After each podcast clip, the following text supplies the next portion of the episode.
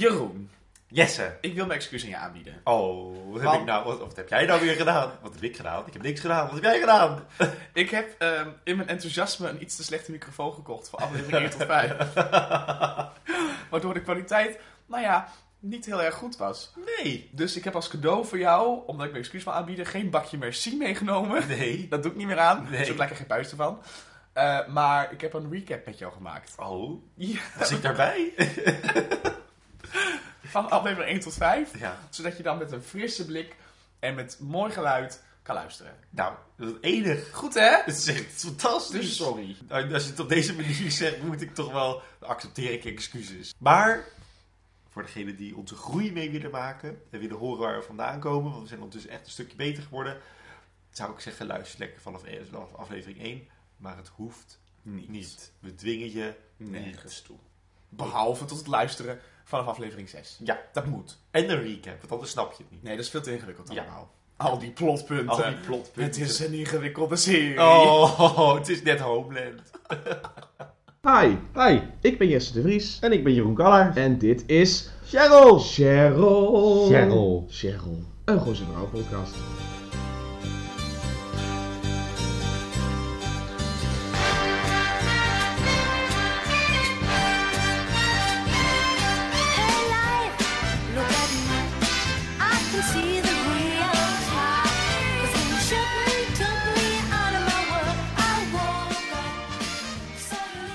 Een podcast waarin Jeroen en ik met een kritische blik gaan kijken naar onze favoriete Nederlandse dramaserie Gooise Vrouwen. Ja.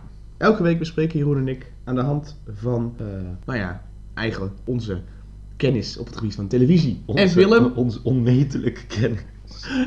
en ons pessimisme over het Nederlandse landschap. Een aflevering van Gooise Vrouwen onder het genot van een glaasje wijn en een kritische blik.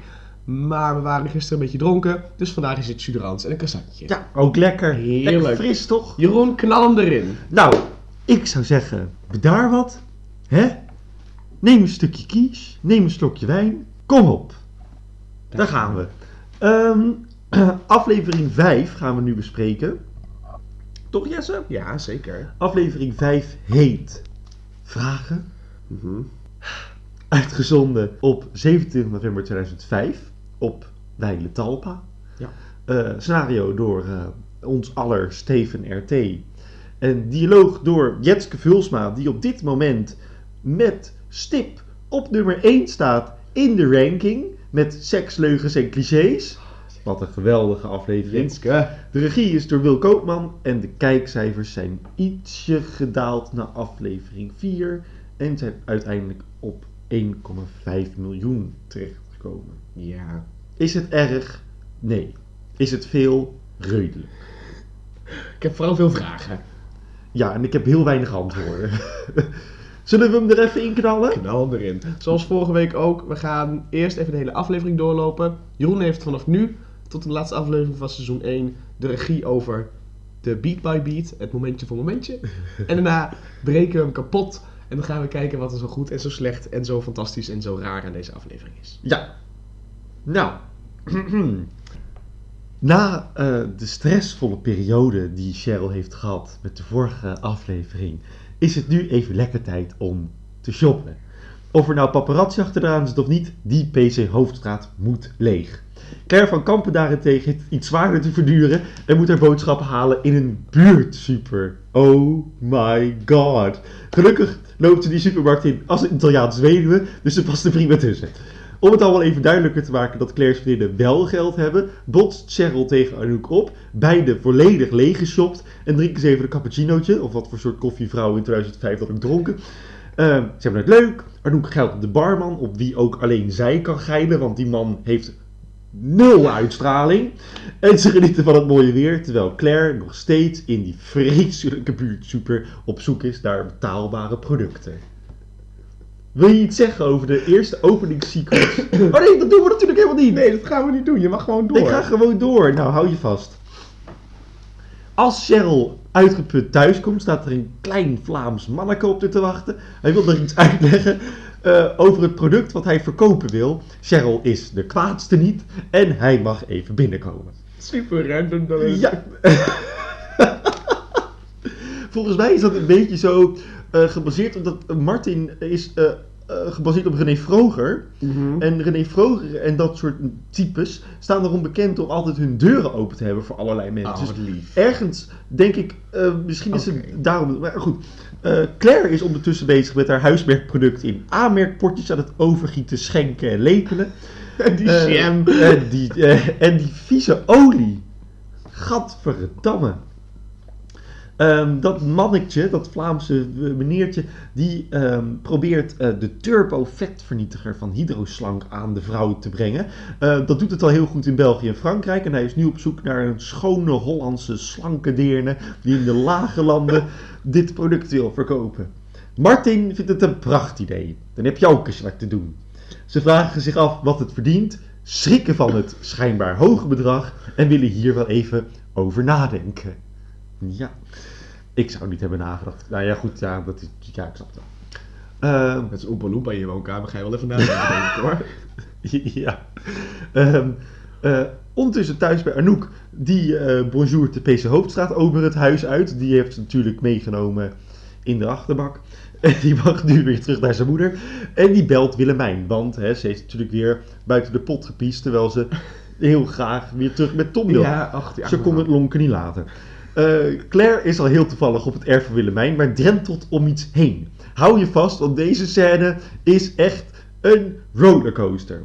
Anouk heeft Willemijns advies nodig, maar een borrel ziet ze niet echt zitten. Al helemaal niet nu Willemijn Claire in de tuin zit ijsberen. Willemijn zegt dat Claire er toch maar 10 minuutjes is en Anouk accepteert de borrel. Claire vraagt binnen bij Willemijn aan haar oudste en beste vriendin om geld. En niet om een briefje van 50, maar om 100.000 euro. Cheryl komt binnen en het gesprek is meteen voorbij. Men praat immers niet over geld in het wijze van anderen. Als Anouk ziet dat iedereen er al is, wil ze weglopen, maar Evert, die net het erf op komt rijden, staat erop dat ze blijft. Claire loopt zonder iets te zeggen weg, gekwetst. En Willemijn vindt het niet normaal dat Cheryl die afslankpillen wil vertegenwoordigen. Alleen normaal niet als ze niet één van haar komkommer sandwiches wil. Willemijn gooit het potje pillen weg, want vrouwen die zichzelf uithongeren hebben een minder grote kans om zwanger te raken. Huppatee, weg ermee. dat is wat ze zegt. Anouk zit buiten met Evert op het tuinbankje te praten over het gezinsleven. Hij vindt dat Anouk zich aan het avontuur moet houden en niet terug moet naar Tom. Anouk daarentegen weet nu niet wat ze wil. Maar een kunstenares moet vrij en onafhankelijk zijn, zegt Evert nog tenslotte. Hard onder de riem, hè. Die Evert is zo'n goede vent. Hoewel Willemijn de turbo-vetvernietigende pillen een slecht idee acht, vindt Martin het goede publiciteit. En trouwens, slechte drank is ook gevaarlijk, zeggen ze. Cheryl weet niet of ze het lang kan blijven doen als ze snel zwanger is, maar Martin ziet dat niet snel gebeuren. Hij wil het wel, maar hij denkt dat er iets lichamelijk mis is met Cheryl. Dat is echt heel erg! Cheryl kaatst de bal terug, want ze hebben zo goed huwelijk. Maar Martin wil daar niks over horen. Hij wil wel nog even één keer proberen, want nooit geschoten is altijd winst. S'nachts wil Willemijn de pillen van Cheryl uit de prullenbak vissen, maar zoon Roderick komt net binnen met een van zijn sletjes. Als Roderick en het sletje weg zijn, slikt Willemijn gauw een paar pillen weg met een flesje wit. Alcohol weer. De vier vriendinnen liggen wakker. Cheryl piekert. Willemijn is langzaam onrustig aan het worden. Anouk zit in haar huispak met een kop thee te dromen over betere tijden. En Claire slaat boos een foto van Anton stuk met een hamer. Oh ja, maar sorry, één ding. Dat zeg maar, oké, dus die hele scène is best wel mooi gedaan. Ze hebben zo'n sequentie met zeg maar constant hetzelfde beeld over het bed Ja, heen. is ook wel heel En- mooi. En dan heb je Anouk, die een soort van Lipton Ice Tea reclame in een roze huispak van, van de Roy Donders. Van de action. Zo met een kopje thee gelukkig aan zit. Oh, mijn leven is zo fijn.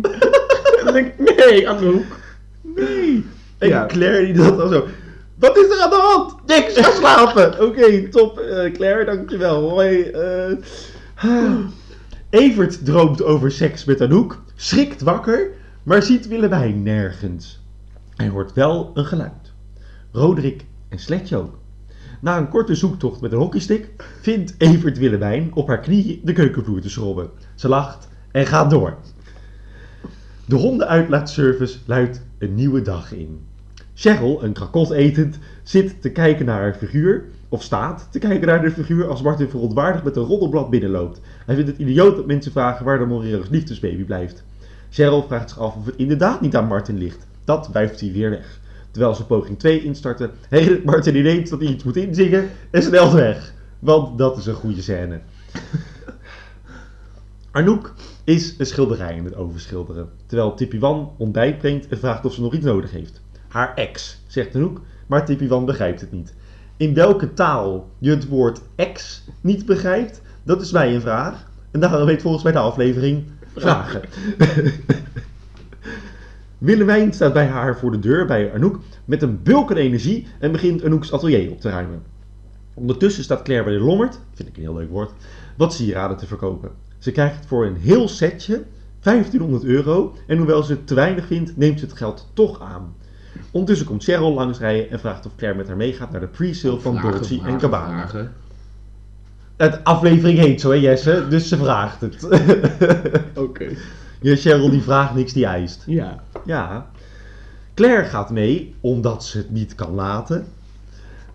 Cheryl vindt Claire er zomaar uitzien, maar dat gooit Claire op keelpijn. Fantastische zin. Ja. In Anouk's atelier is Willemijn nog steeds heftig aan het schoonmaken. Niet omdat ze coke of speed heeft gebruikt, maar omdat ze haar seksuele frustratie aan het uiten is in schoonmaakwerk. Hoewel ze er meer uitziet als een goed gevulde deken, voelt ze zich net een strijkplank. Zo weinig zit Evert aan haar. Een slechte metafoor, gezien een strijkplank vaak genoeg betast wordt, maar oké.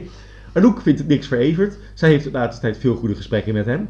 Willemijn vraagt Anouk om hulp. Waarom praat zij dan niet even met hem? Ze zijn toch vriendinnen? Dus jij denkt dat jouw Evert bij mij zijn diepste gevoelens gaat opbiechten? Hallo, dit is het plotje van deze lijn. Ja. Ik leg hem je letterlijk uit in een dialoog, zodat jij kan zeggen, ja, het is inderdaad zo. En dat wij dan als kijkers alles snappen. Ja. Want het is zo moeilijk. Ja, het is echt heel vier publiek. We moeten niet verwachten dat het slimme mensen zijn. We zijn toch vriendinnen? De Dolce Gabbana sale, nou ja, de pre-sale is van start gegaan en Claire kijkt of er iets betaalbaars tussen hangt. De verkoopmedewerkster vraagt hoe het zit met de rekening van Merel. Die staat immers al acht weken open. Claire wil het volgende week regelen, maar de verkoopster wil de 1200 euro. Het liefst nu. Helaas is Claire haar creditcard vergeten. Cheryl vindt het maatje 40 veel te groot en wil graag een 38 passen. Ze wurpt zich in de jeans en komt met een zweetsnor het pashokje uit. Als ze probeert de rits dicht te krijgen, wordt het haar te veel en valt ze flauw. De paparazzi rent op haar af, maar Claire jaagt haar vieze bijna parasiet weg en helpt haar vriendin overeind. Cheryl heeft, denkt ze, iets te weinig gegeten vanochtend. Ja, Ja, alleen die klopt. kapot. Claire rijdt Cheryl naar huis. Kan je dat wel, Claire? Ja, kan wel rijden, zegt ze nog. Als we Claire altijd ook wel is dit daar. Thuis krijgt Cheryl een bolletje kaas en een glas optimaal van Claire, die wonderbaarlijk genoeg weet hoe een keuken werkt. Claire loopt van Cheryl naar Willemijn om de geldkwestie verder te bespreken, maar Willemijn wil het niet voor haar oplossen. Daar is hun vriendschap haar te dierbaar voor. Willemijn tipt dat ze dat kan verkopen of huisjesmelkster kan worden, maar Claire vindt dat geen oplossingen. Willemijn blijft erbij, ze leent geen geld aan vrienden. Claire loopt kwaad weg. Willemijn kan wat haar betreft stikken in de principes. Ja? En dan heb je zo... Oké, dus het is een hele rare scène. En dan heb je Willemijn, die, dan loopt dus Claire weg en zet Willemijn uit de keuken trekken en die wijn is... Oh. Dat is gewoon zo'n reactie van... Ja, moet mij het? Het interesseert Willy nooit wat. Sexistische Evert komt de tuin van Anouk binnen en neemt een stapel takken van haar over. Dat is immers geen vrouwenwerk. Nee. Anouk reageert gelukkig met een soort van, nou ja, dat is heerlijk. Evert wil haar borstje vastpakken. Dat is een metafoor. Oh, Jesse. Alsjeblieft.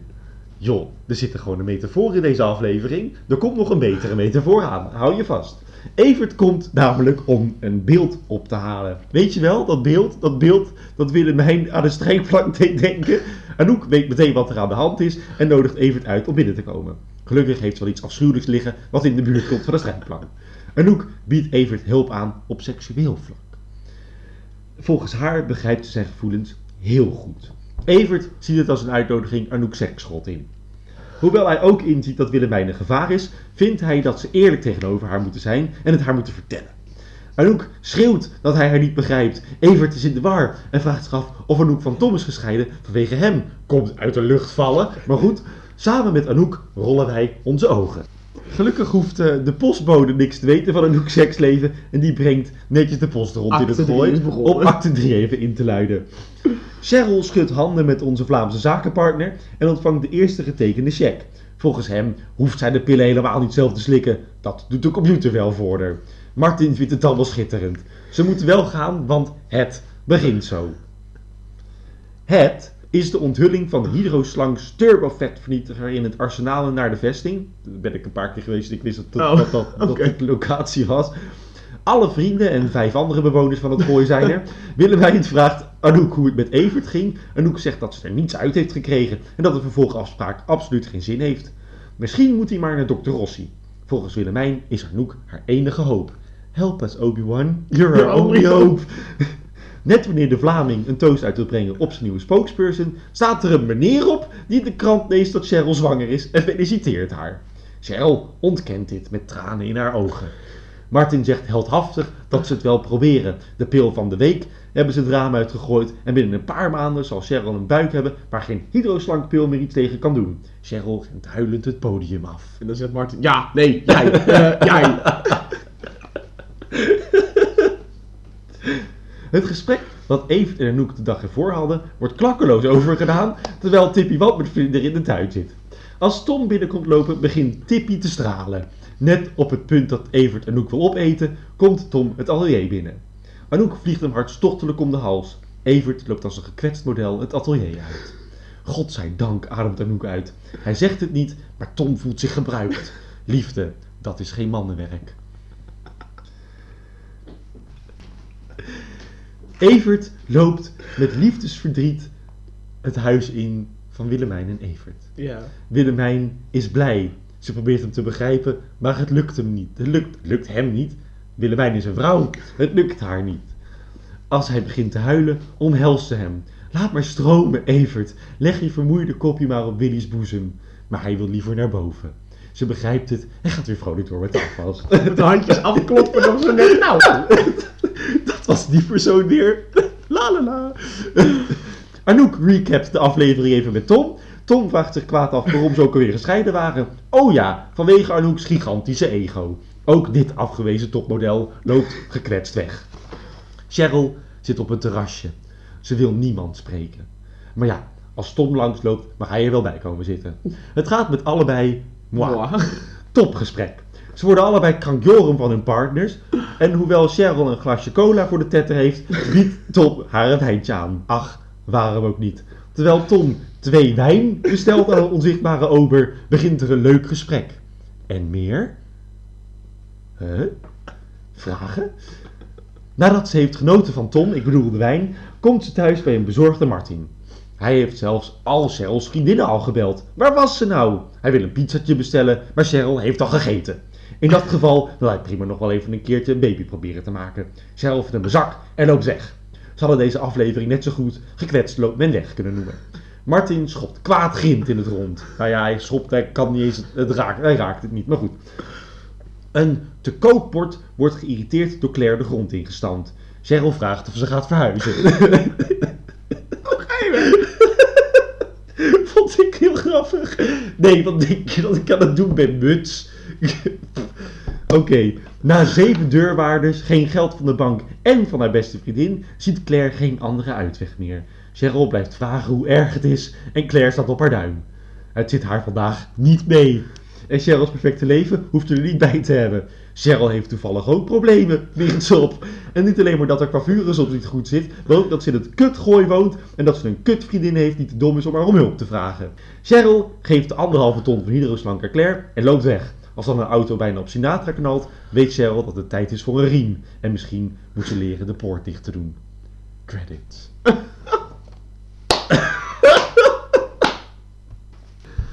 Eh, Wil je door? Wil je meteen gaan praten? Ik denk dat ik gewoon eventjes, gewoon een soort van even snip-snap, denk ik maar, ergens. Snip-snap, snip-snap. hap, hap. Laten we bovenaan beginnen. Laten we bovenaan beginnen. We zijn op de PC Hoofdstraat. En in de buurt super. Het interessante aan deze scène is ehm, dat hij beter had gekund. Oh? Kijk, er zit er maar een parallelvertelling in tussen een winkelende vrouw met geld en een winkelende vrouw zonder geld. Ja. Nou, dat is een heel leuk beginbeeld voor een serie. Het is superleuk, Ja, ja. aflevering, je hebt het gelijk door, we zijn weer bij het gooien. eh. Het jammere is, is dat de, scène, dat de scène aan zich geen nut heeft. Want de daaropvolgende scène zien we Cheryl met eh, tassen uit een winkel komen als ze een Anouk tegen het lijf loopt. Dus ze zien al dat ze heeft gewinkeld. En in de scène waarin Claire thuis de producten overgiet en andere potjes die duurder zijn, snap ik, oh ze heeft dus dingen gekocht onder haar, onder haar stand en gaat het nu eh, verbloemen. Ja, Dat is wat ze wil vertellen en daar hebben ze dus drie scènes voor nodig. ja. Terwijl in een aflevering van 40 minuten zou je denken, Je kan je tijd beter je gebruiken. kun je tijd beter gebruiken. Gebruik dan. Cheryl komt de winkels uit met te veel tassen. Maak er iets te veel van. Dan snappen we dat ze heel erg veel betaald heeft. En eh, Claire staat in de keuken en die staat stiekem, terwijl ze naar buiten kijkt, waar mensen kijken, de olie over te gieten. Snap ik wel wat er aan de hand is. Ja, Maar de enige reden waarom ze het gedaan hebben is denk ik om te laten zien, oh, we hebben zoveel locaties. Oh, we kunnen... En ik denk ook wel dat ehm, ze hadden een keuze moeten maken. Welke van de twee scènes laten we zien? Want ze zijn allebei heel mooi. Het zijn allebei mooie Ja. beeldende scènes. Ehm, ik vind alleen dat die shop-scène totaal teniet wordt gedaan door de eigenaar van de buurtsuper die goedemiddag mevrouw van Kampen tegen Claire zegt. Want daardoor impliceer je dus dat Claire dit eigenlijk altijd doet. Ja, dat zie je vaker is geweest. Terwijl... En dat klopt niet, want ze ze zijn heeft nooit nu pas geen geld. Ja. Dus dat is raar. En daardoor denk ik, had dan de tweede scène gebruikt. Ja, klopt. En dat duurt ook te lang. Bedoel, En het duurt te lang, zeker. Het duurt veel te lang. Dan hebben we de hydroslank, eh, de hydroslank eh, alaaf, eh laaf, eh, nar. Hele, maar hij speelt wel leuk. Dus ja, een dat is wel acteur, grappig. Ja, Doet het goed. Er zit een, eh, zit een Klaus in, in dat stukje met, die, eh, met, die, eh, met Cheryl en Martin en die Afrikaan, die Belg. Ja, weet ik veel. Ze lijken zoveel op elkaar. en dan zegt, zegt, zegt Cheryl van, ja nee, kun je niet die, die, die, die, die vrouw van die tennissen gebruiken? Met die, die met die harde ballen. En toen dacht ik, dit is Linda de Mol die een grapje maakt naar de vriendin Daphne Dekkers. Die denkt, Daphne Dekkers kijkt dit, of Ja. die vindt het hilarisch. Ja. Mag jij als maker dit doen? Mag jij een nutteloze dialoog gebruiken? Is, Oké, de eerste vraag is, is dit, is dit stukje nutteloos? Is deze grap, moet die gemaakt? Want wij weten allemaal dat het Daphne Dekkers is. Dus het is, je, je refereert naar, ons, eh, naar onze kennis van de echte wereld. Ja, En je refereert naar, ik ben Linda de Mol en ik heb dit soort mensen om me heen, die ken ik. ja. Is de grap als grap goed of is de grap goed vanwege de herkenning die erin zit? Ik had niet door, of tenminste, ik heb hem niet zo gezien als dat Cheryl, of als dat Linda de Mol deze grap maakt omdat zij bevriend is met Daphne Dekkers. Ik vond het een, ehm een cabaretgrap. Vanwege de harde ballen. Waarom zegt ze niet gewoon, waarom gebruiken jullie niet iemand anders? Of waarom gebruiken jullie niet dat ex-model van die James Bond films? Eh, dat vind ik op zich niet heel storend. Ik vind alleen, het wordt voor mij theater. Doordat zij zegt, met die vent met die harde ballen. Het is een tennisser, dat weten we allemaal. Zeg niet, wat- ik vond het een raar stukje. Maar niet omdat ik dacht, oh ik vind hem ongeloofwaardig. Nee, nee, het is niet een maar het gaat er meer om... ehm, misschien is het een beetje te nutteloze discussie, maar ik heb het idee dat Linda de Mol nou, de serie gebruikt om hallo te zeggen tegen mensen die ze kent. Door dit momentje. Dat ik Ja, denk, er zullen wel knipoogjes zitten in dit soort dingen. Ja, god. Maar eh, ik ben niet tegen het gebruik van nutteloze, eh, tussen haakjes, eh, tekst in een script. Want dat vult wel een personage aan. En de manier waarop Cheryl het zegt is wel weer... Cheryl. Dat, zou wel, dat is wel weer gezegd door Cheryl op de manier à la Cheryl. Dus, ik- mm. Ja, ja, ja, ja. Maar ben jij tegen het gebruik van nutteloze Ja. zinnen in... Ja, Ja, echt? Absoluut. Ik ben tegen het gebruik. Als een zin geen nut heeft, moet hij eruit. Oh, nou, dat weet ik niet. Ik, ik weet niet. Want je Ik kunt vind- ook een zin, je kunt ook een nutteloze zin creëren die wel nut heeft. Ja, ja, ja, ja, ja, absoluut. Als een zin ruis is, moet je hem eruit knippen. Ja, nee, dat is waar. Ja, ja, Het ja. kost alleen maar geld Ja, en ja, het is zonde ja. van je tijd. Ja. Zoals dan het dubbele beeld in het begin met de supermarkt. Dan Ja. denk ik, ja, dit is gewoon hartstikke zonde. Ja, absoluut.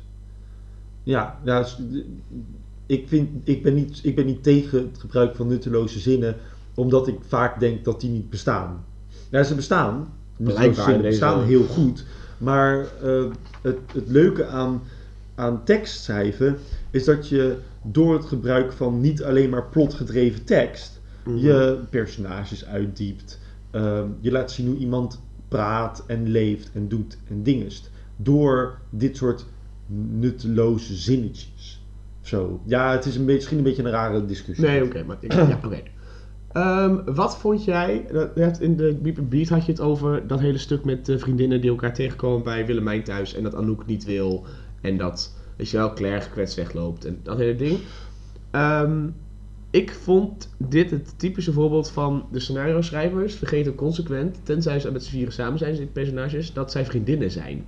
Het feit benoemen we zijn vriendinnen maakt mij geen vriendin met jou. Nee. Dat moet ik zien, dat moet ik voelen. Ja, Dit is zo'n scène als... Stel hè, ik heb een geldprobleem. ja. Nou ja, stel. Ik heb een geldprobleem. Moet je wat hebben? ik ik zei leen maar- niet aan vrienden. Ik- ik- Dan ga je met je vriendinnen praten, de enige mensen om je heen die je kan vertrouwen. Hmm. In plaats daarvan kiezen alle vier de personages ervoor om consequent tegen elkaar te liegen in deze aflevering. Ja. Cheryl liegt ten eerste tegen Martin dat ze seksueel wil ze niet. En daarna over iedere slang dat ze het alsnog doet. Dus Hmm. ze wijst het advies van de vriendinnen af. Anouk liegt tegen Willemijn dat eh, Evert eh, en zij een heel raar moment hadden. Daar Ja. zegt ze niks over. Claire is de enige die niet liegt. Want zij zegt de hele tijd, ik heb iets nodig. En eh, Willemijn liegt en luistert niet. Tegen letterlijk elk ander personage. Hmm. Dat zijn geen vriendinnen, Jeroen. Zij hebben gewoon Ik vind- aan elkaar deze Ik, ik vind wel dat, dat de schrijvers. ehm, dat je merkt dat de schrijvers vergeten dat het. dat ze. ehm, dat Willemijn, Anouk en Claire. volgens de storyline heel lang vriendinnen moeten zijn. En nu denk ik vaak, kennen ze elkaar pas een half jaar? Wat is dit voor verhaal? En waarom, waarom wil Anouk niet ook eventjes lekker een wijntje komen drinken bij Willemijn? Omdat ze namelijk maar 40 minuten hebben en ze Willemijn een soort van gaan gebruiken in deze aflevering om eh, als een expositiepaard. Haha. eh, iedereen komt naar bij haar langs om een probleem. Ze is de Dr. Rossi van deze aflevering. Ja. Eh, maar totaal niet bindend. Eh, ze hadden misschien deze scène op kunnen lossen door ze aan een tuintafel te, weer te zetten. En om deze problemen heen te draaien met z'n allen. Dan heb je wat mij betreft een echte vriendschap. ehm, waarin er dingen gebeuren die ze liever privé met elkaar willen bespreken. Maar dat kan nu niet omdat ze alle vier bij elkaar zitten Ja. aan een tuintafel. Ja, en de hele En reden waarom... daarvan doen ze heel moeilijk en Claire moet drentelen en Anouk mag het huis niet in en Cheryl komt erbij. Waarom komt Cheryl erbij? Niemand weet waarom Cheryl Nee, in het huis komt. Die verdwijnt ook op een gegeven moment weer. Die, die weet, ik weet niet eens meer of ze dag zegt. De, de- Claire loopt gekwetst weg. En Anouk die komt het hele huis ineens binnen. Ik vond het zo'n vreemde scène. Ik dacht, wat is er aan de hand? Ja, bij, die, bij die lijn van Anouk, daar had ik hè, met het hele Evert en Tom gebeuren. Dat is niet. ehm, eh, het is geen organisch verhaaltje. Het is constant plotpunt op plotpunt Ja, op plotpunt. Evert moet langskomen. eh, met iets wat, dus weet je wel, wat ze van elkaar niet. Zij begrijpt hem niet, hij begrijpt haar verkeerd. Eh, in plaats van dat zij in die eerste confrontatie, waarin ze dat, die strijdplank krijgt, weet je wel. Ja. Dan zegt ze, doe rustig, doe rustig. Dat is een scène van een paar minuten. Ze heeft geen één moment dat ze zegt, Evert, je begrijpt me verkeerd. Het zegt ze niet. Het enige wat ze zegt is, oeh, doe rustig, rustig, Evert niet doen, Evert niet doen. Dus ze, houdt de, ze kaatst de bal af en Evert zit nog steeds in het ongewisse. Op het moment dat hij zegt, hé hey Anouk, ben je bij, Mar- bij Tom weg vanwege mij? Snijden we weg. Dus die confrontatie hoeven we niet te zien. Dat doen ze omdat ze een scène later datzelfde gesprek moeten voeren, omdat Tom erin moet komen, omdat hij een conflict moet krijgen met Anouk. Ja, de, In elke realistische discussie die gevoerd zou kunnen worden tussen twee personages die dit zou overkomen, of personages mensen, had de een tegen de ander gezegd: Sorry Evert, ik bedoel dit niet. Willemijn vraagt mij om dit voor je te doen. Kan ik ergens mee helpen? In plaats van niks te zeggen. Het, eh, eh, het ding is dat, eh, zoals jij het nu uitlegt, ehm, er geen drama meer is. Omdat je het direct uit de weg helpt. Mhm. Omdat Evert geen misverstand heeft. En omdat Anouk het misverstand uit de weg is gegaan. Dus het drama is eruit. Mhm. Het is dus op te lossen door Anouk die één zinnetje tegen Evert hoeft te zeggen. Dit betekent dus gewoon dat de schrijver, dus Jetske Vulsma in dit geval, de hele tijd om het verhaaltje heen moet drentelen. Ja. Ehm, Uitstellen, wat, wat uitstellen, super uitstellen. is, maar zij heeft waarschijnlijk een synopsis gekregen van deze aflevering. Dit moet gebeuren. En het En- einde moet dit plaats hebben. Je merkt een constante strijd in de schrijver van... Ik had het anders gedaan, maar nu moet ik het zo doen. Ja. En dat, dat frustreert me heel erg om er naar te kijken. Want de personages willen overduidelijk wat anders. Het is natuurlijk ook weer de typisch ding dat het natuurlijk soapschrijvers zijn die dit hebben ge- geschreven. En bij soap werkt het gewoon zo inderdaad. Dat je een, iemand hebt die een synopsis schrijft en iemand die het uitwerkt. En daar mag je niet van afwijken, want dat mag gewoon niet. Nee, en, en want deze storyline van één aflevering hoort in het hele seizoen. Ja. Als je dit gaat veranderen, dan valt er een puzzelstuk uit het seizoen en moet je heel veel gaan zitten lijnen. ja, plus dat de productie natuurlijk al begonnen is aan de hand van de synopsis. Dus ze kunnen niet meer zeggen, we gaan nu andere locaties invoegen Nee. of dingen weghalen. Maar het is inderdaad wel zo dat, dat je mee dat Jessica Films bij deze aflevering... in ieder geval, ik denk dat ze wel moeite heeft met het feit dat ze niet een knoop mag doorhakken tot de laatste momenten. Ja, precies. Dat ze heel vaak, weet je wel, die hydroslanglijn had... Oh, nou, Oké, eh, totaal eh, off-topic. Welke mogol met een bedrijf met miljoenen Mhm. die pilletjes verkoopt, organiseert er een lanceerfeestje op de minuut af van het tekenen van het contract.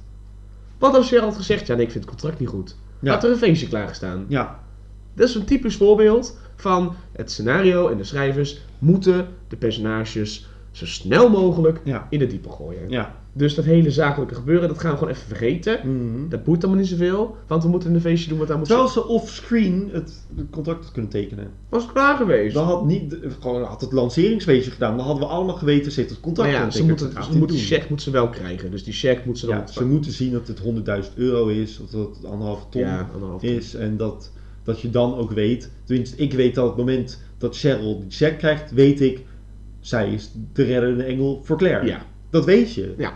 Wat ook raar is, dat is Claire en Cheryl geeft dus geld uit woede. Zullen we ooit een keer ruzie maken?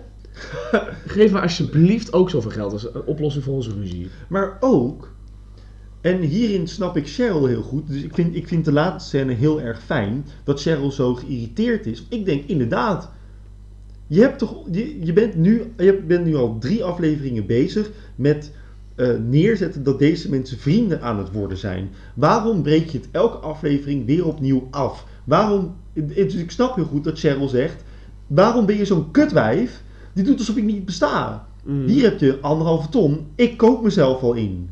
Ze heeft zichzelf, die heeft zichzelf dus vanaf nu ingekocht bij Claire. Ja.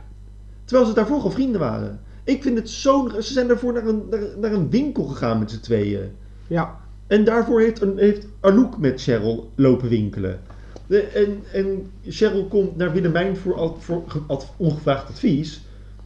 En Willemijn gooit ongevraagd dat, dat potje pillen weg, wat ik heel asociaal vind. Want ik zou dat echt nooit hebben gedaan. Nee. Hoe durf je?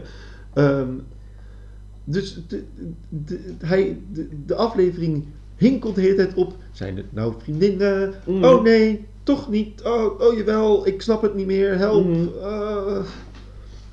Ja, dat klopt. En, en dat is allemaal gedaan zodat ze aan het einde dan weer... Het... Ik vind het gewoon een rare oplossing van het probleem. Ik vind het gewoon heel gek dat ze in een ruzie zegt... Nou, hier heb je dat geld. En dan zonder overleg met Martin... Weet je wel, gewoon, ze geeft het gewoon weg. En volgens mij... Nee, dat weet ik natuurlijk niet. Ze hebben dat geld niet nodig. Nee, nou ja, ja anders schrik, als je het geld nodig hebt, schrik je niet van zo'n bedrag. Dat is zo. Als je het geld niet nodig hebt, dan schrik je er niet van. Dat is zo. Maar ik denk wel dat Cheryl. ehm, ze zijn natuurlijk nieuw geld, Martin en Ja. Cheryl. Ehm, ze hebben al best wel veel. Ik denk dat Cheryl en Martin van een eh, ander milieu komen. Dat ze, dat ze zijn geboren in niet veel geld. En dat Cheryl dus denkt, ik heb al meer dan genoeg. Die anderhalve ton, die kan aan mijn reet Ja. Ja, oké. Oké. En laat ook volgens mij het verschil zien tussen oud en nieuw geld. Namelijk, wij houden Willemijn het die vast. zegt, ik hou het vast, want dat zit al eeuwen in de familie. Niemand doet wat met die drie ton die ik, kan, die ik zo kan vrijmaken. Eh, en Cheryl, die heeft zoveel geld, die denkt alleen maar, ik moet dit delen. Ik kan, ik, ik weet niet wat ik ermee Ja. moet. Ja. En eh, mag ik eventjes nog over die hydroslangpillen? Ja. Deze meneer zegt Ja. dat als je je aan het dieet houdt, je 5 kilo per week kwijtraakt. Dat is niet, dat kan niet. Ik, ik, ik, ik, ik weet niet hoe dat wij met afvallen. Dat ik eet nooit. 5 kilo is veel hoor. Dat zijn vijf pakken melk. Nou, stel je voor. maar wat Cheryl ook zegt, dat betekent dat ik over drie weken nog maar 100, kilo, 100, 100 pond weeg of zo, zegt ze. Of, of iets dergelijks. Mhm. Iets heel weinigs. Mhm. En dan zegt hij, nou, nou, nou, zo werkt het niet. Terwijl hij ervoor zegt, zo werkt het dus wel. De, de- je kan niet 5 kilo Ja, per maar die week pillen zijn natuurlijk... Als, die pillen aan zich had net zo goed energiedrank kunnen zijn. Ja, het had van alles of kunnen zijn. Ja, had- Zolang Willemijn er maar wakker van was gebleven. Ja. Ja, nou ja, het, het, hadden natuurlijk, het, hadden niet, het had niet anders kunnen zijn dan dat het afslankpillen hadden geweest. Want anders had Willemijns niet gewild. Willemijn struggelt namelijk al twee afleveringen met, Ja, gewicht. En wat interessant is dat ze dus tegen Cheryl zegt: een vrouw die, onder het, die ondergewicht heeft, is niet vruchtbaar. In mijn hoofd was dat, is dat de psychologie van Willemijn waarom ze zoveel eet? Als ik maar vruchtbaar ben, blijft Evert bij me. Ze heeft niet voor niets 4000 kinderen. Nou ja, dat is niet waar. Ze heeft Ja. Evert als kind Ze heeft vier kinderen. Roderick. Roderick. Oh, drie kinderen. en Evert. Ja, oh ja, ja, maar goed, die heeft niet gebaard. Nou ja, god, ze er op de trap uit. Met de boezem in de zich. Och, kom maar hier, schatje. Als mijn vrouw of mijn man ooit mij op de trap zo gaat knuffelen van... Och ja, ik begrijp het liefje, ja. Hoek in je gezicht. Nou ja. Wil je het even hebben over de Scapino? Nou, vertel jij eens eventjes wat over de Scapino. Je, je, je, je raast er doorheen, joh. Deze aflevering duurt maar een half uurtje zometeen. Ja, maar ik wil gewoon even eh, spijkers met koppen slaan. Ja, dat is goed. En ik denk dat de discussie over de slechtste aflevering altijd wordt misschien wel leuk is. Maar, oké. Klein irritatiepuntje. Ik ben over het algemeen niet echt te spreken over deze aflevering. Oh, echt? Nee, ik vind het Heb je vragen? Voordat ik bij de Scapino begin, wil ik eventjes vertellen dat de actrice die de medewerkster speelt van de Dolce Gabbana winkel misschien beter in een echte winkel kon gaan werken en niet kon gaan acteren. Ik ken haar niet, het spijt me als ik je kwets. Waarschijnlijk luister je dit toch nooit, maar meid, hou op met me. Ja. Ja, die scène is ook niet goed. Welke, Mogol, welke Dolce Gabbana winkel zorgt ervoor dat de paparazzi in je zaak kunnen staan om een gerenommeerde eh, ja, ja, gast slash klant te kunnen fotograferen? Ja, je, je zet toch alles op alles om haar te beschermen. Je gooit die fucking winkel dicht, ze weet dat ze geld heeft. Maar sowieso, die scène is zo'n rommeltje. Ja, Omdat ze, het lijkt net alsof ze constant vergeten wat ze aan het doen zijn. ook zoiets. Welke fucking medewerker kan zien bij het aankomen lopen dat het een fucking maatje 40 is? Dat zie je niet aan een spijkerbroek. Nee, maar ze heeft natuurlijk net geholpen en ze heeft een maatje 40 gegeven. Oh, ik was, heel, ik was helemaal boos. Zo doen verkoopmedewerkers natuurlijk. Hier je een maatje 40. Oh. En waarschijnlijk had Cheryl toen gezegd, ja, maar ik heb nu een 38. En zegt, nou probeer die 40 maar gewoon eens eventjes. Oh, oké. Ik hou van haar nu. Nu vind ik. Eh, maar zodra ze ehm, het, het, het, eh, de scène gaat, eh, Claire en de verkoopmedewerker zijn op de trap van die winkel en die proberen dit zo een beetje uit te leggen. De verkoopmedewerker staat hoger dan Claire op de trap. Nee. Als ma- toch? Nee, klaar voor boven. Claire staat hoger? Ja. Nou, dat, op, een, op een trap een scène maken is altijd een beetje gevaarlijk. Omdat je altijd te maken hebt met hoogtes en dus met macht. Ja, maar laten we eerlijk zijn. In deze aflevering zitten ziek veel slechte metaforen, Jesse. Als dit er niet eentje is, dan vreet ik mijn hond op. En ik heb geen hond. Nee, Sinatra. Die was ook, ja. Oké, ja, oké. Dat begint daarmee. Dat gesprek is nog niet voorbij. Maar de camera gaat naar Cheryl. Ja, dat, dat, dat, Ze ze gaan vergeten de- dus de verkoop, dat, dat de verkoopmedewerkers en Claire eigenlijk gewoon nog een gesprek hebben. Ja, maar ze gaan de confrontatie uit de weg. Net als met, net als met de scène van eh Evert en eh, Suzanne. eh Anouk. Dat is hetzelfde, want ze moeten alles die ze confrontatie doen dus voor, voor, even, voor het gemak eventjes alsof de camera bepaalt wat er in de wereld gebeurt. Nee, want eh, in die scène met de trap en Claire en de verkoopmedewerker. De medewerkster reageert als Cheryl roept. En dan pas gaat het beeld mee naar de volgende scène. Oké. Dus, de, dus Cheryl roept en die medewerkster gaat mee. Vervolgens wordt die scène een chaos. Het wordt een Austin Powers liedje ondergezet. Ik weet ook Oh, niet zo prima. goed waar dit naartoe gaat. Want ineens is er een paparazzi in de winkel. Al onder de trap en dan op de trap. En dan eh, haal ik vond het. Ik werd duizelig van deze scène. Is Cheryl flauwgevallen vanwege de hero-slangpillen, Of, het krokotje, of. zwangerschap? De hele aflevering gaat over het zwanger zijn van Cheryl. Ja, de- ja, ja. Dat is een zwanger willen worden. het zwanger willen Cheryl. worden van Cheryl. Is dit een insinuatie van de regie, eh, van de makers, sorry, dat Cheryl misschien wel eens zwanger zou kunnen zijn? Ik dacht van wel. Toen ik hem de eerste keer zag, dacht ik, oh, ze is zwanger. Dat is wat ik dacht. Omdat hij constant alleen maar Omdat, hij nou, omdat de, de focus voor Cheryl ligt op zwanger worden. Ja, Maar, en hier, komt, hier kom je dus weer op personage gedreven en plot gedreven. Het plot van deze aflevering drijft op hydroslangpillen. maar dat is een afleidingsmanoeuvre om uit te stellen dat... Maar dat weet je niet. Nee, Eh, dus vanuit het plot gezien moet, ik kunnen, moet, moet je zeggen dat ze is flauwgevallen omdat ze niet eet, omdat ze hydroslangpillen gebruikt. Maar de scène daarvoor eet ze een fucking krakot. Dus ze is al aan het eten. Dus je kan niet tegen mij zeggen, Cheryl eet niet meer omdat ze de hydroslankpillen gebruikt. Mhm. Want ze heeft daarvoor nog zitten eten. Dus ik moet iets anders bedenken. Cheryl is zwanger, want dat is namelijk punt 2 in Cheryl's leven. En daar houden de punten op. Ja, maar dat zwangerschap kan niet, want ze drinkt weer wijn aan het einde van de aflevering. Ja, maar ze weet dan niet dat ze zwanger is, Jesse. Nee, nee, maar misschien is ze ook niet zwanger. want Dat, wordt natuurlijk niet in deze aflevering. En er wordt niet voor mij niet gerefereerd naar deze flauwval als een.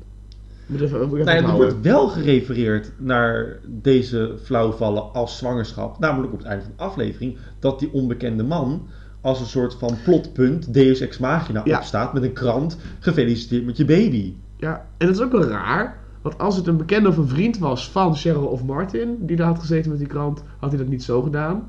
Het is geen paparazzi, want hij is zelf ook verbaasd over de reactie die Cheryl geeft. En hij heeft geen camera bij zich. Het is gewoon een man die op dat moment de privé aan het lezen is. Ja, maar die is niet. Hoe kan dat? dat ik vind dat. Ik snap dat niet. Nee, ik snap het ook niet, maar dat is, dat is wat er is gebeurd. Ja.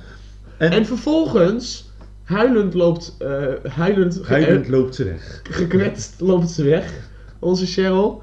En haar beste vriendinnen, Willemijn en Doet niks. doen niks. Zeggen alleen maar. Loopt ze nou weg. Dat ze- als jij toch god op een podium staat, Jeroen, met je hydroslankpillen.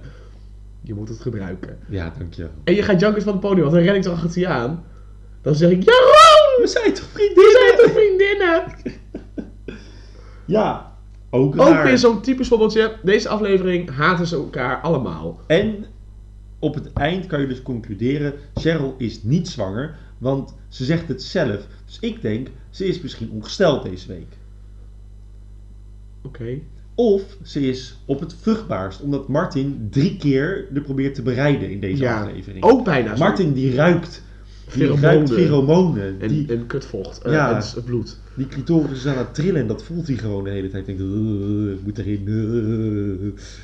Oké. Ja, oké. dus dat is, Geschoten is altijd dat is dus de... Even een momentje wat wel heel fijn was. Eh Cheryl heeft dus een eh, bolletje kaas. ja. En een glas optimelk. En, eh, ik dacht dat het melk was, maar oké. Oh, optimelk. Met Sinatra op haar schoot. En Sinatra wil het broodje opeten, toch? Is dat zo? dat heb niet En dan zie je Chitske gaan, kijk zo. het is Claire, maar het is Chitske. Je ziet daar gewoon echt zo wegdijnen van die hond. Die zo van dat broodje witte hap. En, en, en, en Cheryl zegt zo, oh gezellig, oh een hond, oh leuk. Linda denkt, oh leuk. Weet je, laat ze natuurlijk tot ook boven de gezicht likken. En Claire zit er zo naast zo... ik, ga deze, ik ga die scène zo een keer terugkijken. Die is zo leuk. Dat is een mooi momentje. Dat stukje dat ze dan met eh, dat Cheryl Claire tegenkomt op straat. En dat ze, wat zie jij er, daar- wat zie jij er somber uit? Ja, ik heb keelpijn. Die vind ik hilarisch. Terwijl ze, ze loopt de hele aflevering rond alsof ze in The Godfather speelt. En ze net haar man heeft verloren. Sophia. en ze net de helft van de maffia voor de hoofd, voor de gezicht heeft neergeschoten. Ik denk dat ze dachten, kut, wat hebben we in de garderobe hangen? Er zijn niet zoveel afleveringen geweest, we hebben niet zo heel veel uit te kiezen. We kiezen de begrafenisoutfit. Ja. Gewoon, ze heeft ook niet zoveel kleren meer, denk ik. Misschien is de rest wel verkocht. ja, dat zou kunnen. Kun je interpreteren. Ehm. oh! Oh! Tippywan. Ja, Tippywan. wat doet hij in deze aflevering? Heel raar. ik heb vragen. Ja, nou, ik, heb, ik ga er doorheen als een gekko, maar Tippywan eh komt binnen met een, met een broodje en een glas sap, geloof ik. En die zegt tegen Anouk, I bring me into the school, yes? ja. En Anouk staat dat vrouwenschilderij van vorige aflevering, Ja. die staat ze heel erg De rigoureus met... Ik denk, lieve schat. En je gaat er niks nieuws overheen verven, je gaat niet krassen, flikker het gewoon weg. Maar oké, ze moet iets te doen hebben, ze is namelijk kunstenares. Ja. Allah. En dan zegt ze inderdaad, zegt Suzanne, of eh, Anouk zegt... eh, Ja, niks. ja, do you need something else? De eerste keer dat, dat Tippy wel het zegt, dat zegt niet Tippy wel, dat zegt de scenario schrijver. Tippy wel zegt niet, you need something else. En dat doet ze zodat Anouk kan zeggen... ja, mijn, mijn, mijn ex. En dan zegt Tippy wel weer een... I don't understand of zo. I don't understand, I'm so sorry. En dan zegt ze, nee, dat had ik ook, dat had ik niet anders verwacht. Nee, dat was ook niet, dat was Dat ook niet de bedoeling. Tippy Wan loopt lachend weg. Als in, niet lachend, maar meer een soort van... Oh, wat fijn dat ze weer extra Ja, wil. ze is heel... Ze, ze is in, da- in deze scène is dit niet... Dit is Tippy toe. Dit is, dit is Tippy toe, ja. Ja, dat is de zus. Dit is de zus die ook af en toe Dit een is keer het langs niet. Ja. Ik zou, als ik Sistine Carillon was, die Tippy Wan speelt, Mhm. in deze scène hebben gedacht... Huh? Moet ik dit spelen? Waarom zo? Zou, zij, eh, zou je... ehm, dit is interessant. We moeten, eh, als zodra we af, seizoen 1 hebben gedaan, zouden we een interview moeten doen met een, met een acteur of zo. Ja. Omdat ik namelijk heel graag wil weten, weet je de storyline per aflevering? Of weet jij de aflevering van het hele, of weet je, weet je jouw storyline voor het hele seizoen al? Omdat Sistine moet inspelen op de intenties van Tippy Wan op het eind van seizoen 1. Dat is haar, de, de hele, Tippy Wan heeft door de hele seizoen, heeft ze een dubbele agenda. Die niemand weet, want ze is mysterieus. In de laatste aflevering ontpopt daar een conclusie. E- De eerste conclusie van de geheime agenda van Tippy Wan. Die is al een beetje gedaan in de aflevering dat, eh, van seksleugens en clichés toen... Dat ze, eh, met Rode, dat ze met Roderick seks heeft. Nee, dat de hond weg... eh, de hond Oh ja, ja, je ziet natuurlijk dat Tippy Wan heeft een dubbele agenda. Ja. Maar in deze aflevering heeft Tippy geen dubbele agenda. Is er gewoon een nanny. Het is serieus een ander personage dit. Want als... En eh, deze vrouw heeft al een keer een aflevering Gooise Vrouwen geschreven. Sterker nog, Wil Koopman heeft ondertussen al vijf afleveringen geregisseerd. Wat is ze aan het doen met Tippy Wan, deze aflevering? Ja, want ook omdat als dan Tom terugkomt... En die zegt, ah, Vlinder. En dan zegt Vlinder, papa, hoe lang blijf je? Ja, wel een tijdje. Dan zie je Tip wel eens kijken, oh, fijn dat hij er is. Ja, terwijl Tippy Wan de aflevering daarvoor hartstikke verliefd was op Tom. En probeerde dat gewoon allemaal te verneuken voor... eh, Als, als, als het Tippy Wan was geweest daar had gezeten, had ze de benen gespreid en gezegd, hello Mr. Tom. You want to bring uh, me to school, yes? Yes. you want to bring me to a highest point? Yes? With your, with your, with your high point? Ja, nee. En, nee, ik, ik kan daar gewoon niet bij. En welke va- eh, vader komt er onaangekondigd binnen in het huis van de ex-vrouw? Dat doet hij al drie afleveringen Ja, dat is hè? zo. Dat, is de teletext natuurlijk aan, ik kon ze niet zien. ja, precies. Want even was er heel moeilijk aan het doen. Ik kan er gewoon heel slecht tegen als een personage niet weet wie die is. Ja, maar dit, dit- ja, dit is gewoon dit, dit is het probleem van deze aflevering. Personages weten namelijk heel goed wie ze zijn, maar deze aflevering moet ze heel erg hun best doen om dat personage niet te zijn. Ja. En ik, ik vind het gewoon raar dat, dat dit team in totaal al een keer een aflevering heeft gemaakt met z'n allen. Dat irriteert me eraan. Als je nou een nieuwe schrijf bent en je bent nieuw van... Joh, oké. Allah, het is het begin van de serie, het is Ja, allemaal en heel dan- en dan- hectisch. En dan zetten we je nu eh, op, eh, eh, op nummer 5 van de ranking. En dan zeggen we, goh, probeer het de volgende keer Ja, nog een keer. precies. Maar dit heb je nu al een keer gedaan, Jetske. En het is aflevering 5, het is niet aflevering 3. Er, zijn, er is nu ondertussen hoeveel maanden is er overheen gegaan? De eerste aflevering is Het uitgezonden. is een maand. Een maand nu. Ja, want het is nu aflevering 5. Elke week komt er een aflevering. We zijn in oktober begonnen, we zijn nu eind november. Ik bedoel, op een gegeven moment is, het, eh, is dat toch ook wel... Dan zit er toch een soort van... Ik kan me niet voorstellen dat je vijf afleveringen lang maar wat doet als productie ook. Dat je... een- ik bedoel, de eerste aflevering snap ik dat het een beetje hectisch is. De tweede Ja. aflevering ook. Aflevering 5. Ik heb toch wel een ritme gevonden met z'n Ja. allen hoe het werkt. Kom op. En je acteurs weten toch ook wel hoe het zit. Ja, Maar ja, blijkbaar, blijkbaar, blijkbaar dus niet. bedaar Eh, wat zou ik zeggen, maar dat kan niet. Nee, ja, nee. Ook zoiets. Ook zoiets. Over, eh, laten we even eh, over Tippy Wan, nog één dingetje. Mhm. Ehm, dit, dit- ze hebben, je hebt die sequence gehad. Tippy Wan vraagt, doe je niet anything else mis? Dan loopt ze weg. Dan gaat, ze is dus een behulpzame nanny geweest. Hè? Ze is een behulpzame au pair geweest, Mhm. deze scène. De bel gaat, ze doet de deur niet open. Nee, want ze is vlinder wegbrengen. Ja, maar yes, ze loopt serieus net door dat kralengordijn en de, en de bel gaat. Ze kan nog even naar de deur lopen. Daar loopt ze sowieso al doorheen. Ja, we moeten zien dat Willemijn heel erg druk is en agressief aan de deur staat. Maar Tippy Wan kan toch ook de deur open doen? En Willemijn kan er overheen walsen. Ja. En Vlinder doodmaken onderweg. Alsjeblieft. De vleugels, de vleugels aftrekken. Nee. Ehm, ander, dat is, oké, eh, ander puntje nog. En dan ben ik eigenlijk wel, ben ik eigenlijk wel klaar met deze aflevering, eh, eerlijk gezegd. Ehm, denk ik, ja. Ehm, Cheryl zit op het terras met een colaatje. Mm. En Martin staat voor het raam thuis Mm. en die belt haar bezorgd op. Mm. Mhm. Mhm. Cheryl heeft een glas wijn, minstens één met Tom. Aha. Een diner met iemand of zichzelf. Ja. Met Tom, denk ik. Waarschijnlijk met Tom. Dat we niet zien wat heel gek is. Terwijl dat super belangrijk is voor het personage. Juist. Ze komt thuis en Martin staat nog steeds voor het raam. Ja. Daar is gewoon een, de, de editor heeft gedacht: kut, we moeten Martin even laten bellen.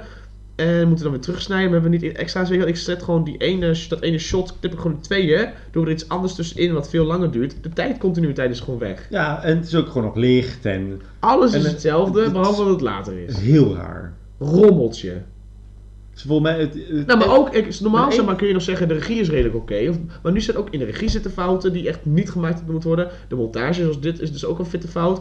De regie is best wel kut. Dat heb je al gezegd. Eh, schrijven is best wel, best wel slecht. Wat vond je van de regie? En de het acteerwerk is ook niet heel erg om over naar huis te spreken. Ik vind het jammer, want ik had zoveel hoop. ja, want we zijn ondertussen... We hebben ondertussen Gooise Vrouwen begonnen een stukje beter te worden. Ja. En ik had er echt veel zin in. En nu denk ik, als dit gewoon zijn vrouw is, nou, Geef mij een portie Vicky. Ehm, Oh, nog één ding. En dan ben ik klaar. Echt. Dit is echt de allerlaatste. Heb jij nog iets van... want- ik zit even te denken. Maar doe maar vertellen. Sinatra. Sinatra! Wat is het doel? Van Sinatra. Nee. Wat is zijn agenda? Oké, dus in de laatste scène, het laatste shot, Sinatra komt bijna voor een auto, maar Cheryl... Nee, Cheryl niet. Die auto ziet het op Nee, tijd. de auto is gewoon op tijd. Die remt en eh, Cheryl raapt Sinatra op en loopt weg terwijl wij muziek horen en het beeld vervaagt en het einde van de aflevering is. Ja. Ik snap waar dit vandaan komt, waarom ze dit proberen. Vertel.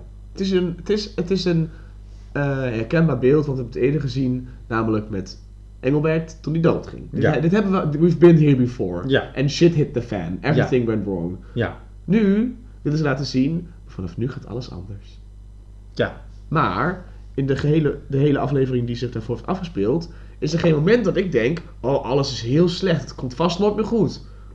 Zeg maar, als alles nu mis was gegaan en aan het einde zien we, maar het gaat nu anders dan, voor, dan voorheen, want ze heeft een groei doorgemaakt, want ze heeft een nieuwe hulp aangeboden gekregen, want Cheryl heeft een nieuwe kennis, weet je, whatever. Mhm. Dan snap ik dat je dit soort scènes laat, dat je dit soort shots laat zien als zijnde, het, niks is meer hoe het was en alles gaat vanaf nu anders.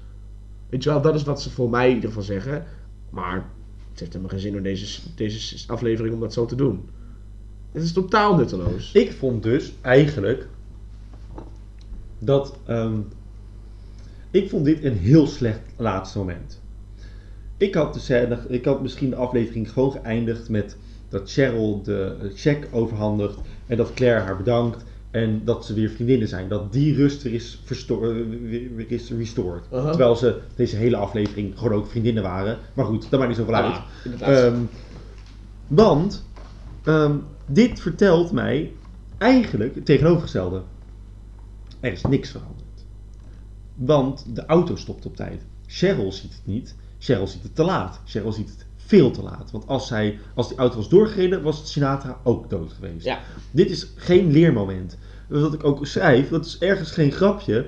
Het enige wat Cheryl nu had moeten leren, het is tijd voor een riem en ze moet de poort dicht doen. Ja. Want dit heeft ze dus ook gedaan bij, bij Engelbert. Ze heeft dus geen flikker geleerd. Nou, bij Engelbert was het natuurlijk niet haar schuld. Engelbert is typisch Nee, maar ze zijn wel weggegaan zonder tegen Tippy Wan te zeggen die poort moet dicht blijven. Want anders loopt Engelbert van het erf af. Ja, dat is ook wel zo. En ehm, Sinatra, die doet dus gewoon hetzelfde. Want het is een puppy en denkt, oeh, de poort staat open, plop, plop, plop, plop, plop. Ja, die heeft het gewoon gezellig met zichzelf. en die denkt, goh, ik ga even voor deze auto zitten, hartstikke leuk. Maar dit, het, het leert niks. Nee. En het vertelt, oh, het vertelt mij dus alleen maar, oh, dus jullie willen het menu proberen vast te houden als kijker met een tweede keer deze climax die nu een anticlimax is? Wat is je idee hierachter? Ja. Wat is je idee hierachter? Vertel het me. Nou, dat is weer zo'n typisch manipulatief regiemomentje. Net als met, met die, met die, ehm, met die hockeystick eh, scène van Evert, dat hij wakker Ja. wordt geschrokken door Er geluid. is, er is eh, schijnspanning. Want we weten dat Willemijn beneden Iedereen is. weet dat het Willemijn is. Die honden zitten op de bank is. daar in de hal. Die honden van Willemijn zitten zelfs rustig in de hal te slapen. Als er een inbreker was, had die hond echt wat gedaan. Maar we moeten dan wel even geloven dat het heel spannend is. Het einde precies hetzelfde. De spanning zit hem in. Willemijn, of Claire en Cheryl hebben ruzie. Daar zit voor mij de spanning. Tussen de personages niet Nou, in. dat is een mooie. Dat, dat is, als ze die lijn hadden uitgediept, dan had je gezegd: er is nu iets kapot tussen de oudste vriendinnen van, van deze kliek. Namelijk Willemijn en Claire. Claire. En Claire zoekt, krijgt een verbondje aangeboden gekregen met het nieuwste personage van het Mhm. gezelschap. Ja, Cheryl. ja. En waar is Anouk? Die is eh, kunst aan het maken. Maar dat is interessant. En dat is waarom een serie een serie is. En daarom is het... Omdat het interpersoneel, interpersonageel conflict of zo... Hoe dat Per, de conflict tussen de personages. Ja, dat is wat interessant maakt om een serie te kijken. Niet regie-effect op regie-effect op regie-effect. Of eigenlijk überhaupt effect op effect op effect. Wat voor Ja. effect het mag zijn. En eh, al deze effecten in deze aflevering. Ik denk serieus, op deze manier heb je de aflevering niet gekeken, maar dat is misschien wel interessant. Ik denk dat alle effecten in deze aflevering allemaal loos zijn. Ja. Dat er geen enkel effect uiteindelijk het effect moet hebben wat het effect moet hebben. Het is steeds een schijneffect. Of het Hoe- wordt dubbel opgedaan. En dit is ook een beetje wat ik, waarvan ik denk, ah, de serie weet niet zo goed wat het aan het doen is. Wat voor serie is het nou? Want dat Evert uit bed komt met een hockeystick, dat insinueert dat het nog steeds een spannende serie is. Het is geen spannende serie, het is een dramaserie. We zijn geen Desperate Housewives, er worden hier geen mensen vermoord in deze straat. Nee. Maar die spanning, die Desperate Housewives spanning, probeert ze er steeds terug in te stoppen. Ja. Terwijl ik. Evert wordt wakker naar een hitsige droom. Kijkt naast zich, Willemijn is weg. En ik zou denken, ik zou denken, als, als normaal persoon die een relatie heeft en als mijn vriend uit bed zou zijn, zou ik denken, god, die is even naar de wc of even wat water halen of die kan niet slapen. Maar ik ben moe en ik heb net een lekkere droom gehad. Ik hoop dat ik weer door kan slapen. Ik hoor wat gestommel. Of God, ruk mee. dat, dat zal hem wel zijn. Ja. Wat me ook irriteert in deze scène, eh, en de scène ervoor, zijn we vergeten dat Roderick en Merel een relatie hebben. Ja. Dat zijn we vergeten. Maar dat is een selectie, dus dat maakt niet uit. Wat meer... Nee, die hele aflevering waren Roderick en Merel samen. Ja, nee. Stonden ze zelfs te tennissen hand in hand met een leuk liedje eronder. Ja, nee. Maar dan moest dat ze dan... Ja, dat is... Nee. Nee, die hebben geen relatie. Ik vind, ik vind het echt, oh, ze weten niet wat ze willen. Credits. Goed. het boek is dicht. Ja, ik ben, ben uitgesproken. Ik, ik, het is, het is zo'n weerwar. Ik kan ook niet echt heel goed in één keer zeggen wat er allemaal... Ik bedoel, nee. Ik ben een beetje... Ik ben gewoon... Ik wou heel graag heel slim doen over deze aflevering. Ja. Maar de aflevering neigt heel erg naar... Huh? Ja, Maar- de aflevering leidt naar vragen. Ja. En niet naar antwoorden. Wij gaan nu een antwoord geven op de Ik, vraag. ik wil wel even eerst een andere vraag aan je stellen. Oké. Voordat we naar de ranking gaan. Aha. Ehm, vertel eventjes in één zin waar deze aflevering over gaat. Lukt dat je? Kan je dat? Even nadenken, twee seconden. In één zin, hè?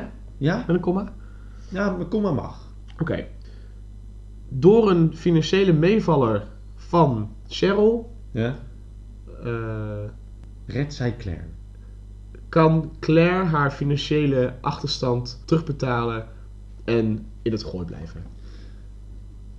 De, die zin die jij nu vertelt, Ja? Dat zijn twee scènes.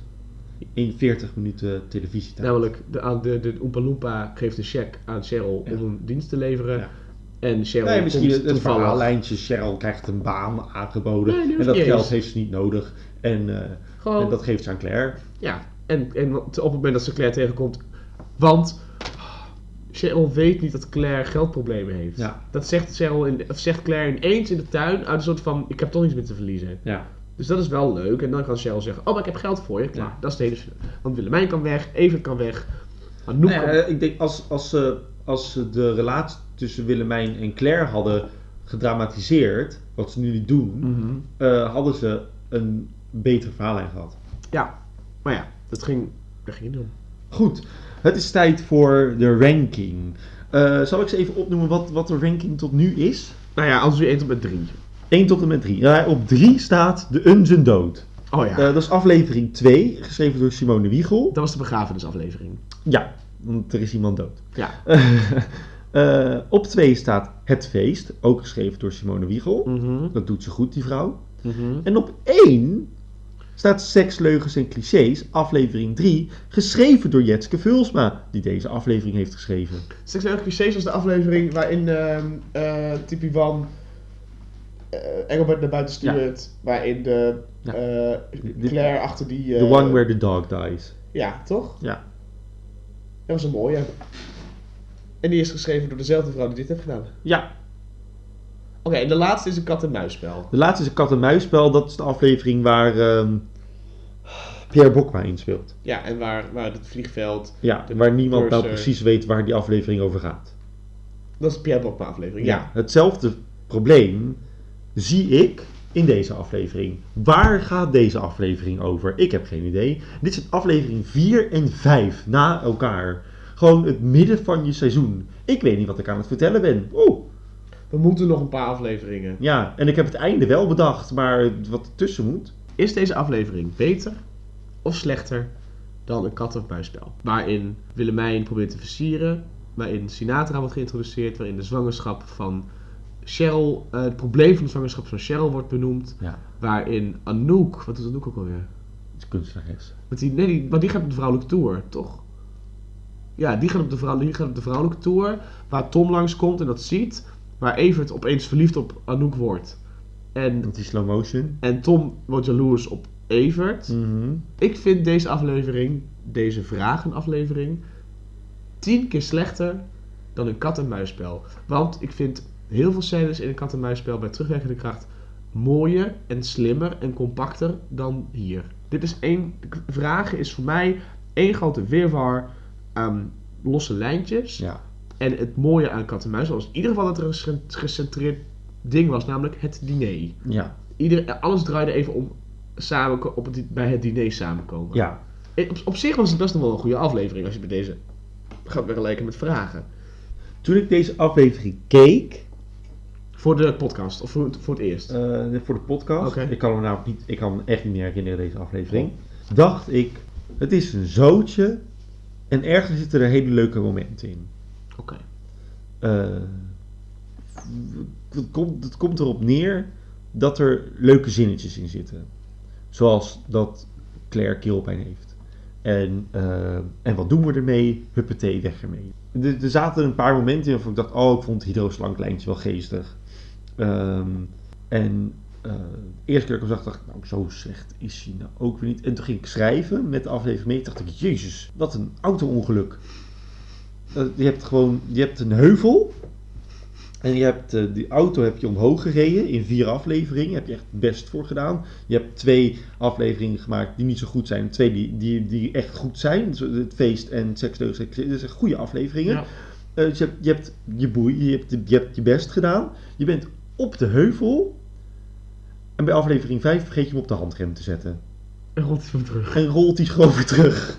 En ze kunnen weer opnieuw beginnen wat mij betreft. Dit is echt een hele slechte aflevering. En net als bij een kat-en-muisspel heb ik nu de behoefte om op 42 te zetten. Ja, maar is hij slechter dan een kat-en-muisspel? Ik Ja. vind absoluut van wel, jij ook? Ja, absoluut. Ah, godzijdank. Oké, nou, dat was een... eh, maar... Ik wilde eventjes een, een, een schijndiscussie eh, doen, zoals in deze aflevering heel vaak wordt gedaan. Nice. Eh, Oké, dus hij staat op 5 nu. Hij staat nu op 5. Ja. Oké. Nou, aflevering 5 van 5. Dat is wel consequent. ja, we zijn heel consequent. Maar wat zou dat betekenen voor Jetske Vilsma? Want zij heeft de beste en de slechtste aflevering geschreven nu. Ja. Eh, ik hoop dat ze terugkomt voor een rematch. En anders hoop ik dat ze niet terugkomt. Misschien was het ook het enthousiasme van de eerste aflevering waarschijnlijk. Dat ze denkt, oh, ik mag een aflevering Gooise Vrouwen doen, het is fucking vet. En dat ze nu denkt, oh, ik moet een aflevering Gooise Vrouwen doen, het is verschrikkelijk. Nee, dat kan niet. Nee. Waarschijnlijk heeft ze het pakketje gewoon in één keer gekregen. ik denk het wel. Ik denk dat ze deze afleveringen bij elkaar heeft geschreven. En bij, bij één aflevering dacht, oh dat vind ik leuk om te doen. Bij de tweede dacht, what the fuck.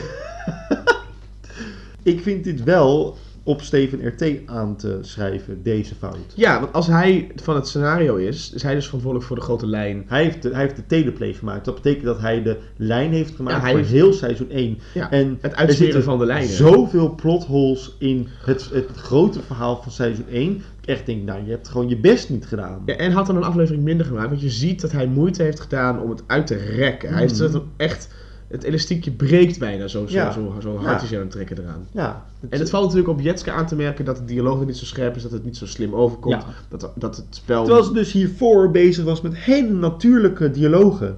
hele ja, precies. Personage gedreven tekst. Ja, En dit was plot na plot na plot gedreven tekst. ja. Jetske, ik wil eigenlijk wel vragen aan je, wat vind jij er nou van? Ik heb vragen. Ik heb vragen, heb jij de antwoorden? Ik denk het niet. Of heb je alleen maar leugens en seks. En clichés? Oké, tip van de dag.